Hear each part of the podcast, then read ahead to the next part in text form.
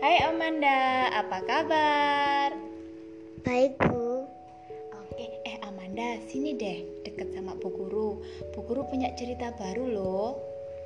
Cerita apa, Bu Guru? Cerita dongeng tentang si kancil. Judulnya Si Kancil dan Beruang. Amanda sudah pernah dengar belum cerita itu? Belum, Bu. Belum ya?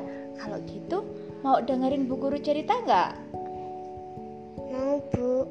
Oke, dekat sini ya. Sekarang kamu dengarkan baik-baik cerita dari Bu Guru. Judulnya apa tadi sayang?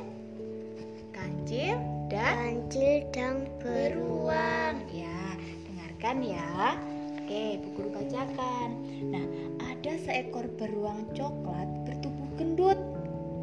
Dia selalu terpesona kalau melihat ada burung-burung di atas sana itu bernyanyi riang sekali. Nah, beruang coklat itu itu juga ingin bisa bernyanyi seperti si burung-burung itu. Nah, suatu hari dia tersesat di ladang dekat perkampungan. Dia sangat takjub melihat anak gembala yang meniup seruling dengan suara yang merdu sekali. Beruang kemudian kembali masuk ke dalam hutan dan dia pun menceritakan pengalamannya kepada temannya si kancil. Nah, suatu hari dia ketika dia bertemu dengan si kancil dia bercerita, "Kancil, aku tuh tadi ketemu dengan anak gembala.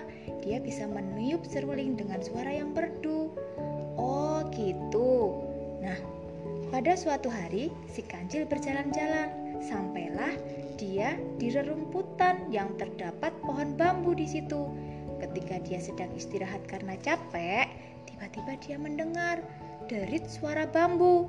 Cukup merdu, seperti suara seruling gembala.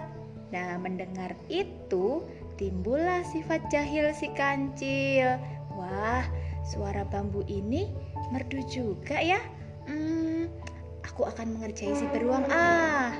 Ah, aku akan mencari si beruang. Akhirnya, sehari berikutnya si kancil mencari.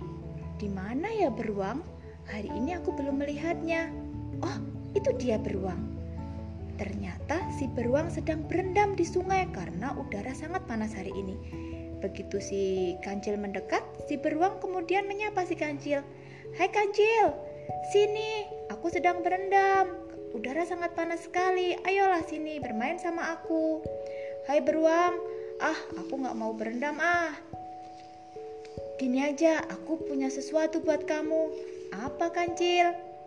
Kamu kan kemarin mendengarkan suara seruling anak gembala. Iya. Nah, aku sekarang mau tunjukkan ke kamu. Aku punya pertunjukan konser musik alami yang merdu sekali.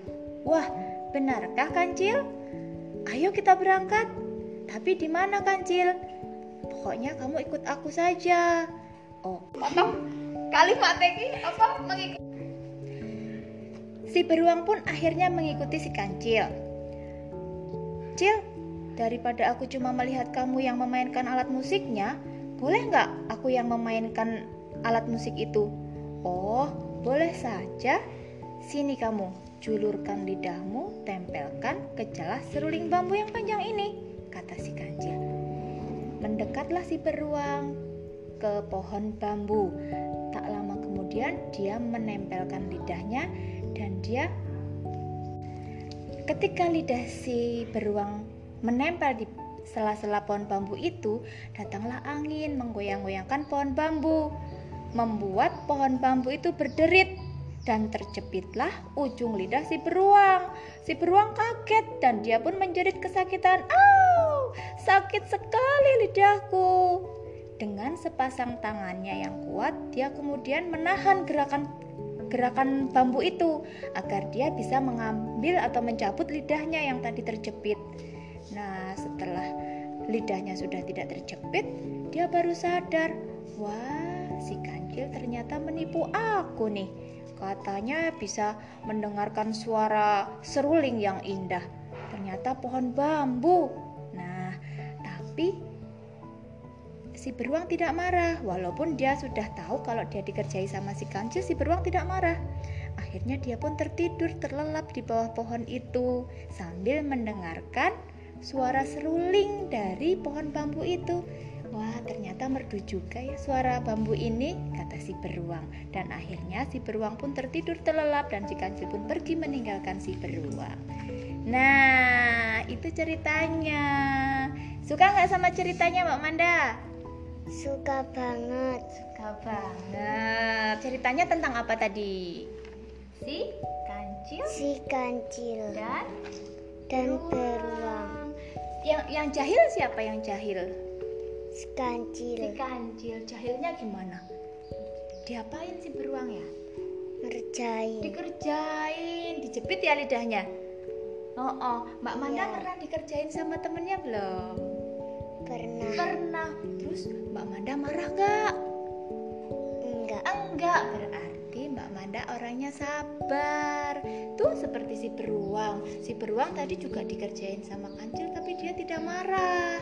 Karena si beruang adalah anak yang sa sabar.